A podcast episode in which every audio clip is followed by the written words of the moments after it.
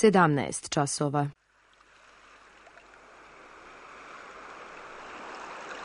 Radio Televizija Srbije. Radio Beograd 2.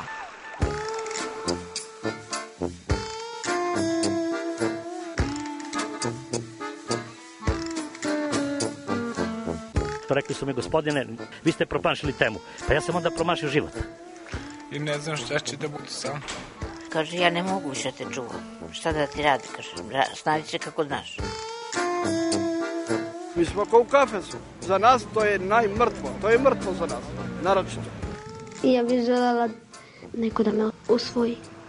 To bih želela.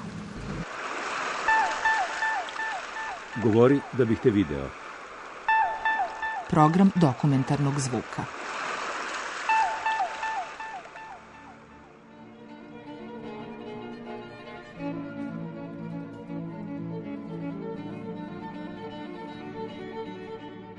Tri pogleda na generalštab.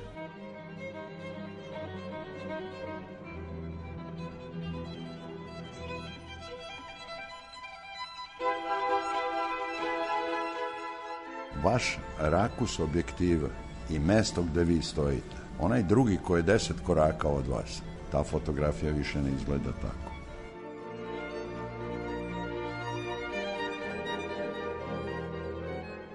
Bojan Kovačević. Pogled kroz prozor.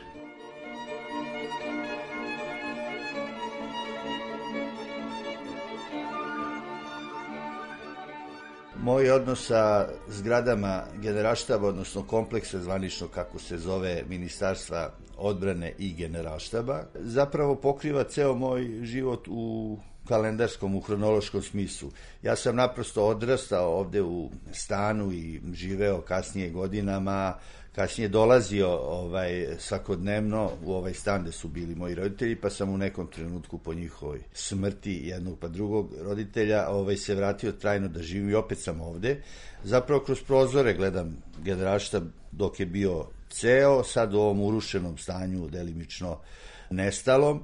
Tako da, mislim čak da sam bio na neki način povlašten da kao arhitekta se bavim zgradom koju sam s jedne strane gledao celog života, a s druge strane, znači s jedne strane to da kažem moja života situacija, a s druge strane profesionalna, a s treće strane bio sam povlašten da se bavim kućom koju mnogi arhitekti, istoričari arhitekture, pa i ja sam smatraju zapravo najvažnijom u Beogradu modernom građevinom, a boga mi ima i onih koje potpuno razume, koji smatraju uopšte da je to najvažnija građevina ili kompleks u Beogradu. Naravno, danas u ovom urušenom stanju nije lako razumeti mlađim ljudima, publici, beograđanima, mlađim koji se ne sećaju tog celovitog stanja zgrade, nije ih lako ubediti u taj značaj. Međutim, na svu sreću, eto, tako da kažem, ne zato što sam ja autor, nego je, što je to uvek jedan dokument. Postoji knjiga o generalštavu koja je izdata 2001. godine. To je rukopis moj koji je završen 99. negde u jesen i e, knjiga je zapravo formirana kao ozbilja dokumentacija i studija generalštaba u kompletnom stanju. Kada se desilo to što se desilo 99. u leto, ja sam bio, rekao do duše kratkotarnoj dilemi, da li da restrukturišem knjigu, šta da radim, I onda je moj veliki prijatelj, profesor i jedan fantastičan čovek koji se zvao Darko Marušić. Ja sam ga pitao, ne znam kako da nazovem taj aneks knjige, ovaj, obzirom da se radi o destrukciji, ja, e, ja sam sa predstavnici vojske, vojske obilazio zgradu, fotografisao, imao i te, da kažem, otužne kadrove onda sam se pitao kako da nazovem to i pošto sam imao šest poglavlja ove glavne knjige, poglavlje, ovo uvodno poglavlje, šesto poglavlje bilo izvodno poglavlje, onda je Darko predložio, kaže, pa nazovi to bezglavlje. I tako, i, ta, i tako je i u knjizi i objavljeno.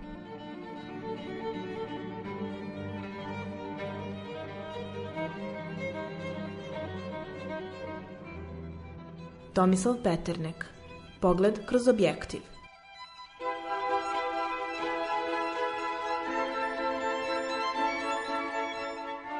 Svako mesto gde se nešto tako stravično desilo, vreme pere i to se sve ispere, nestane vatra, nestane dim, nestane ta prašina.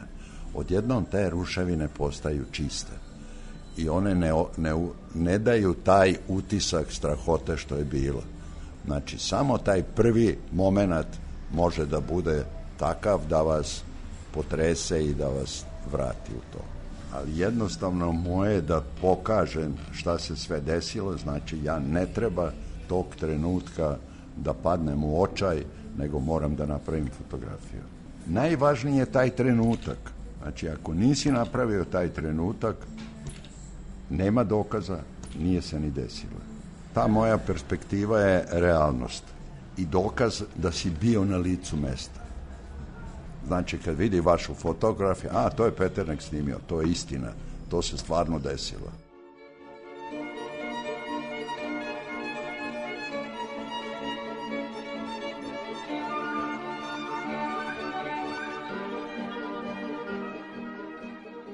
Ratko Bulatović Pogled izbliza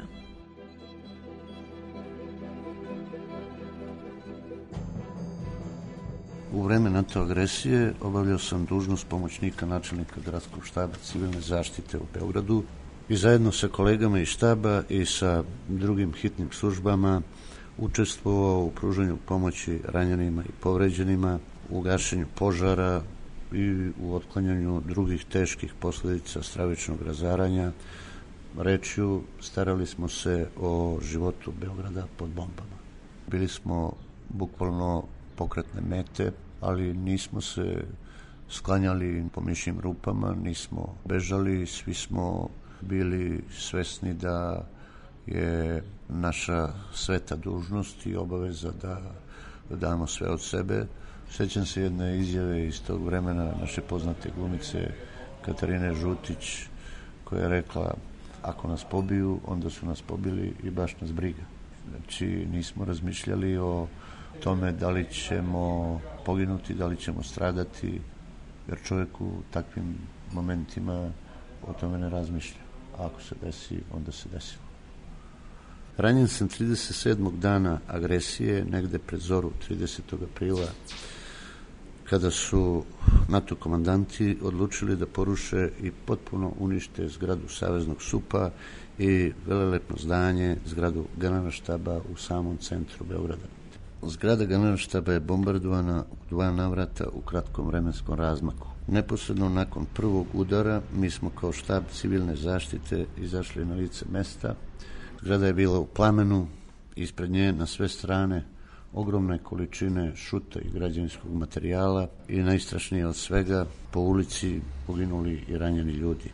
Usledilo je obaveštenje preko radio veze sklanjajte se, ide novi udar. Međutim, par sekundi nakon tog obaveštenja usledio je novi napad.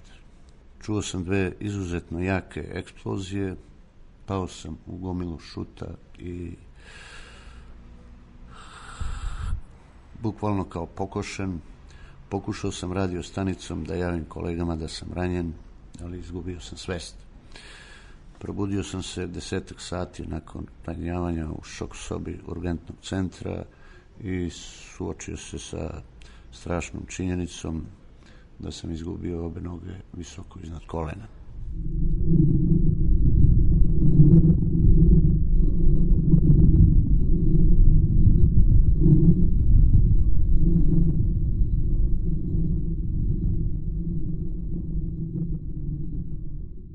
Tako i u generalštab kad je bombardovan, ja sam ujutro dođem na mesto zločina, to sam uvek radio, vraćao se na isto mesto i onda napravite seriju fotografija šta se to desilo, kako gase, kako pomažu, kako dalje neko strado tu i tako dalje.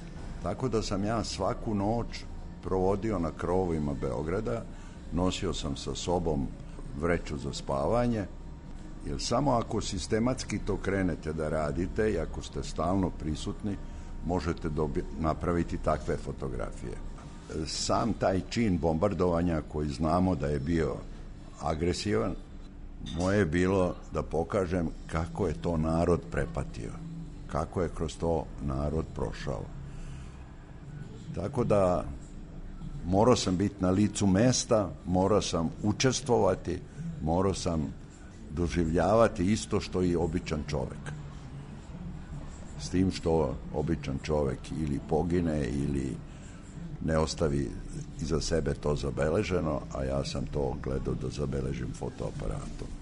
I uvek sam govorio, kao, jel nosiš oružje i na ratištu? Kažem, ne. Ja nosim moje oružje. Moje oružje je fotoaparat. I ono je veoma ubojito, jer ostavlja taj dokument o kome sad pričamo.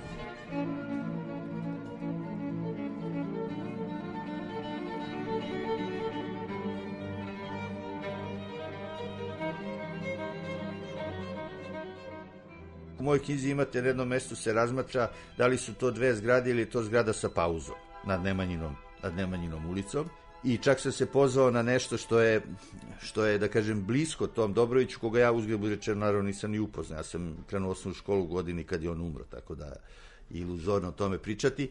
To ima dosta veze sa upotrebom pauza u Beethovenovoj muzici, gde su pauze u Beethovenovoj muzici vrlo često krajnje jak ele, izražajni element u trenucima kada se ne čuje zvuk instrumenta, nego se nešto dramatizuje, da kažem, ili relaksira ili već šta pauzom. Tako i, i prostor iznad Nemanjine zapravo može da se tretira kao potpuno legalni deo arhitektonske kompozicije, iako kuće na ne, Nemanjinom ulicom zapravo uopšte nema. I taj abstraktni, e, e, abstrakta crta uopšte moderne arhitekture, bilo koje, pa, pa i Dobrovićeve je malo otežavala dobro razumevanje, dobro razumevanje tih kuća odnosno običan svet ne može lako da uvidi kvalitete takve arhitekture, ne samo te, nego takve, takve arhitekture. Mi smo mnogo skloniji nekakvim, da kažem, romantičarskim starijim e, stilovima, da ne govorim o tome što uopšte što je u vreme komunizma ta kuća pravljena, da je to proizvelo jedan uh, kod, da kažem, ovog građanskog ili nadri, i, i građanskog i nadri građanskog soja i sloja stanovništva, jednu odbojnost da se uopšte ne, ne pokušava proniknuti u vrednost te, te arhitekture.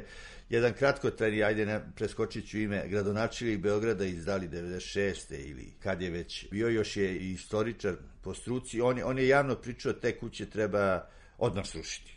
Pazite, nikakvog NATO-a nije bilo Tako da se ta Dobrovićeva arhitektura bori sa tim e, osporavanjima do duše izvan arhitektonskih krugova.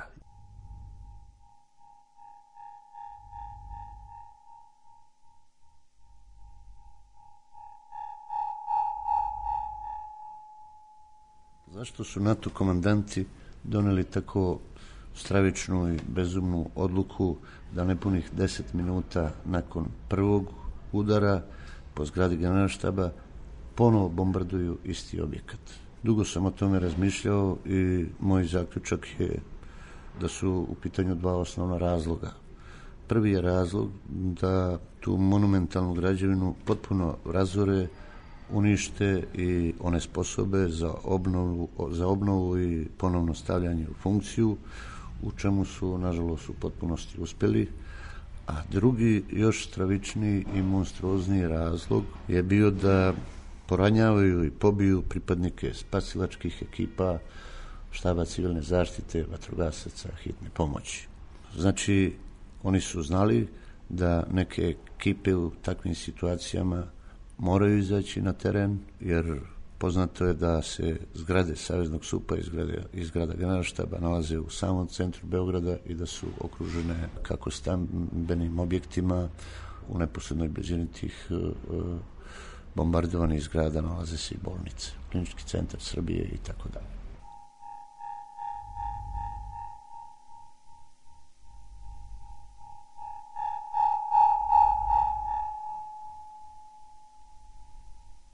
Ja mislim da sam baš tada i bio na jednu noć na hotelu Slavija, a onda sam otišao negde u 27. marta dole, valjda, u neku zgradu koja je isto višlja, jer sam uvijek bio u te višlje zgrade i eto, desilo se da je baš tada bombardovana i zato je u vojnom pres centru ovde koji je bio u domu vojske, svi su govorili to mi to neko dojavljuje, on ima nekog svog lokatora ili špijuna i tako dalje.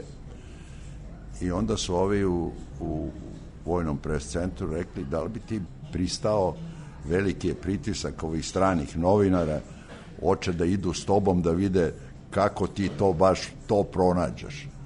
Ja sam rekao, ajde, može večeras nek ide sa mnom i mislim da je išla BBC ekipa i ja sam ih stavio u auto, prešli smo most, već su bile sirene i sve, stigli kod mene u blok 45 na moju terasu, nije delovalo ništa da će se desiti. I stvarno je bila opet toplana bombardovana te noći. Tako da jednostavno ako tražite naći ćete. To je isto kao recimo kad sam prvi put otišao na ratište, postoji strah. I kod mene. Ali sve do onog trenutka dok ne čujem zvižduk metka da je prošlo. Posle toga Dralin proradi i ja više ne razmišljam o svom životu i o tome da mogu ja poginut, nego samo tražim taj moment, tu fotografiju, u stvari koju dan danas tražim. Ja mislim da još nisam napravio glavnu fotografiju.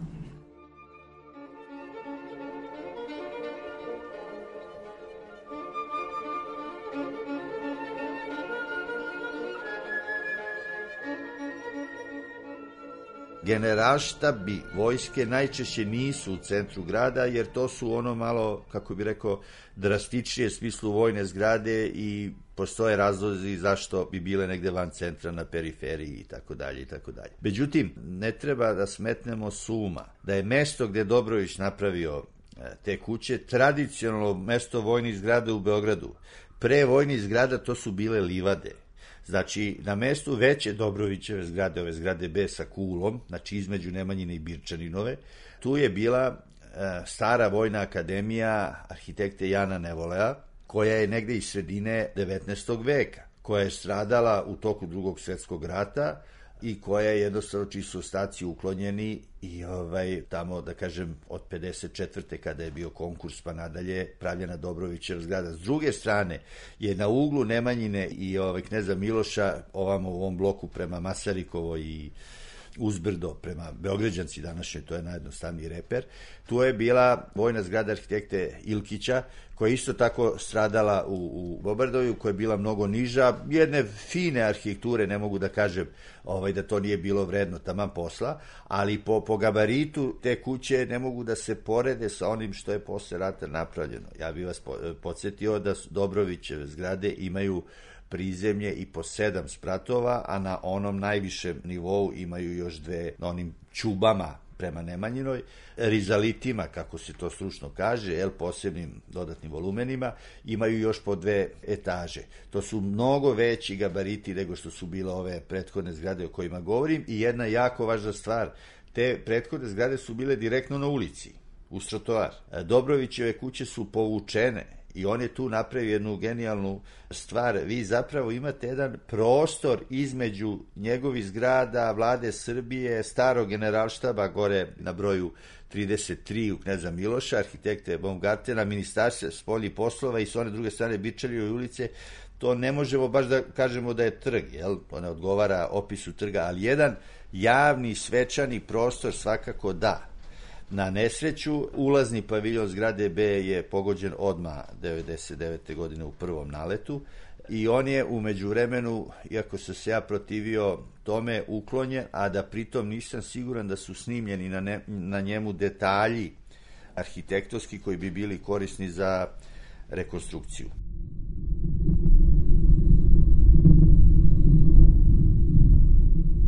Evo recimo, dobro sad to nije tema, pošto je ovo generalštab, ali zna se da je zgrada CK bila bombardovana već, da je jedino od Košave radio stanice antena ostala gore. Ja sam jedno veče rešio da idem na Genex apartmane sa kolegama i da čekamo da li će se nešto desiti. Meni je bilo logično da će oni tu antenu da poruše da bi tu radio stanicu uništili Košava. I mi smo bili na krovu i u jednom trenutku je, čujemo avion, zvuk, opalio je raketu, rakete imaju pozadi onaj kao neki poklopac plastični štali, to je počelo da padaju po nama ti delovi. I srušena je, srušena je antena. Ujutro sam išao na to mesto i video sam ljude koji izlaze iz zgrade. Za mene je to važno, meni treba čovek na slici, da se vidi da je to čovek pretrpio, da to nije bila prazna zgrada koja je bombardovana zgrada, nego da, su, da je to napad na čoveka, na ljude. Poginulo je nekoliko slučajnih prolaznika, sećam se da su dvojica momaka koji su se kretali iz pravca železničke stanice prema Slavi, čekali zeleno svetlo na semaforu na uglu Nemanjine i kneza Miloša i oni su nažalost stradali od prvog udara. Sećam se takođe da smo zatekli obezglavljeno telo pripadnika Ministarstva unutrašnjih poslova koji je dežužao ispred zgrade Saveznog ministarstva spoljnih poslova, ispred one policijske kućice koja se nalazi na samom uglu. Taj policajac koji je te noći poginuo nije trebao da bude dežurni, to sam saznao kasnije, nakon par godina od njegove pogibije, nije trebao da bude dežurni, već ga je kolega zamolio da ga zameni, da mu odradi smenu, a on će njemu vratiti sutra veče, pošto je njegov kolega slavio čerke rođendan.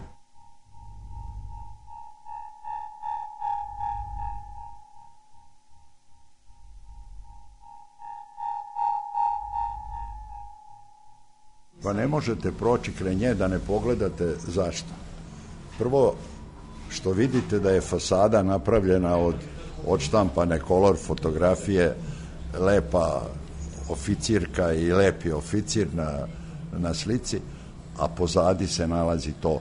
Mene to uvek dovede u situaciju da razmišljam o tom pozadi. Ja uvek razmišljam o onom što pokušavaju ljudi da sakriju, što pokušavaju da stave u drugi plan. Evo, ako pogledate Saveznog supa zgradu koja je bombardana, koju sam isto sliku, evo, gradi se, zida se, zašto se ovo ne radi, ja ne znam, ali ja mislim da u centru grada to da stoji tako, treba se podsjećati, ostaće fotografije. Neće izgubiti vrednost to, me, to mesto, ni... Tu je u stvari, e, tu je poenta fotografije. Stvari se grade, menjaju, ali ostaje fotografija. Evo, žao mi je što niste ma, malo ranije došli. Jedan čovek je tražio da kupi fotografiju zgrade generalštaba kad je bombardovana. Baš to je bilo.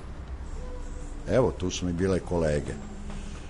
I pošto sam video da je čovek toliko zainteresovan za tu sliku, ja sam rekao, vi ćete dati koliko vi hoćete za tu sliku, nek se čuva ta slika kod vas. A on je pričao, vidite ovaj prozor, ovde je živeo moj brat i šta ja znam, civilna zgrada. Prema tom to je, svako gleda to na svoj način, meni je samo drago da je to da je to ostalo i on je otišao veoma srećan što sam ja tu fotografiju dao.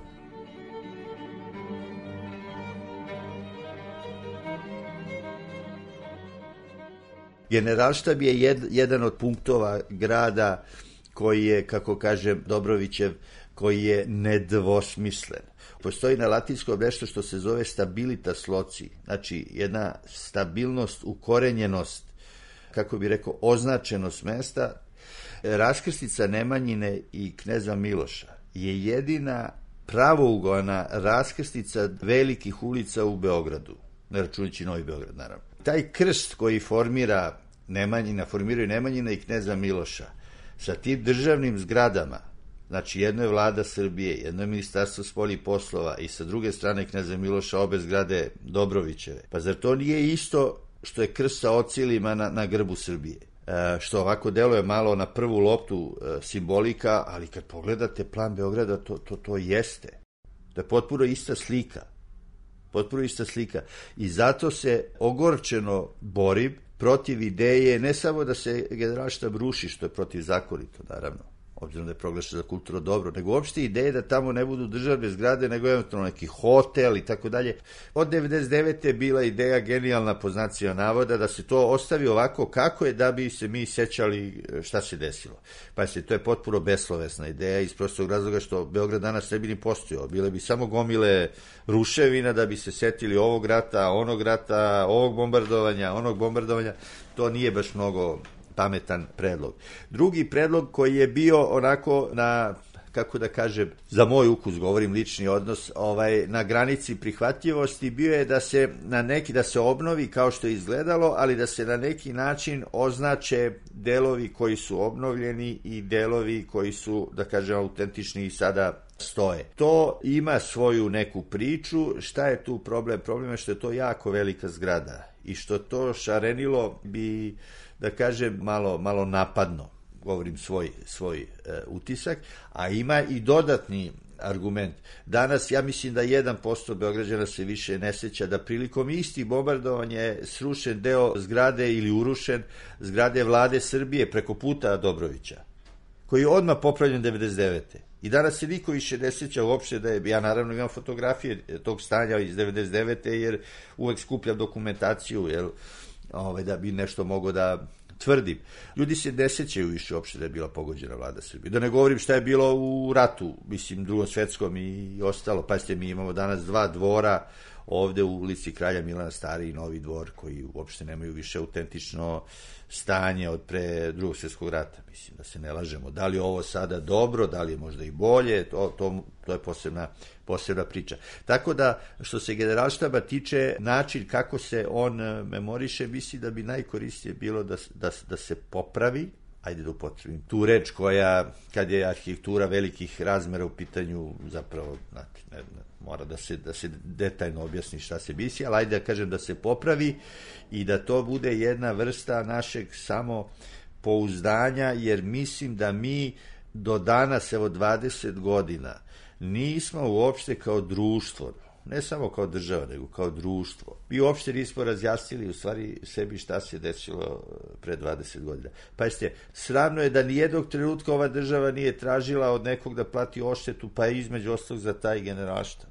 Znate, to je meni onako van pameti, mislim, znate, 20 godina to je, zamislite kad bi 65. se bavili nekim stvarima u vezi sa drugim svetskim ratom, pa to je skoro nezamislivo, jel? Ali e, e, jedna vrsta i nacionalnog ponosa i samopouzdanja i svega ostalog se iskušava na, na adresi generalstva.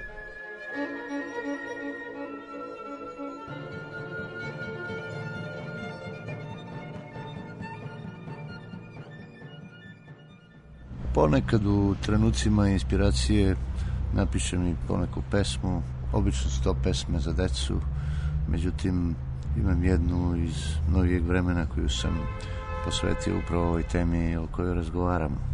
Zove se Nevina krv. U rano proleće leta gospodnjeg 1999. bombe NATO pakta spržiše moje butine, kolena, cevanice, pete i dok ovih godina ovako prikraćen između zemlje i neba šetam, razmišljam dobro je što sam ipak živ, da im još malo i ovakav smetam. Da ih podsjećam na brojna zločinstva, da ih opominjem, da im prkosim pred pokolenjima, oni nek se stide, a ja svoje rane sa ponosom nosim u reku nevino prolivene krvi, što nemirno huči, bučno kao slap. Znam, nisam jedini, ni zadnji, ni prvi, koji u nju prosu jednu svoju kap. Ova moja reč nemoćne utehe, neka se daleko čak do neba čuje, ja im ne opraštam, davno je rečeno, da krv nevina nikad ne miruje.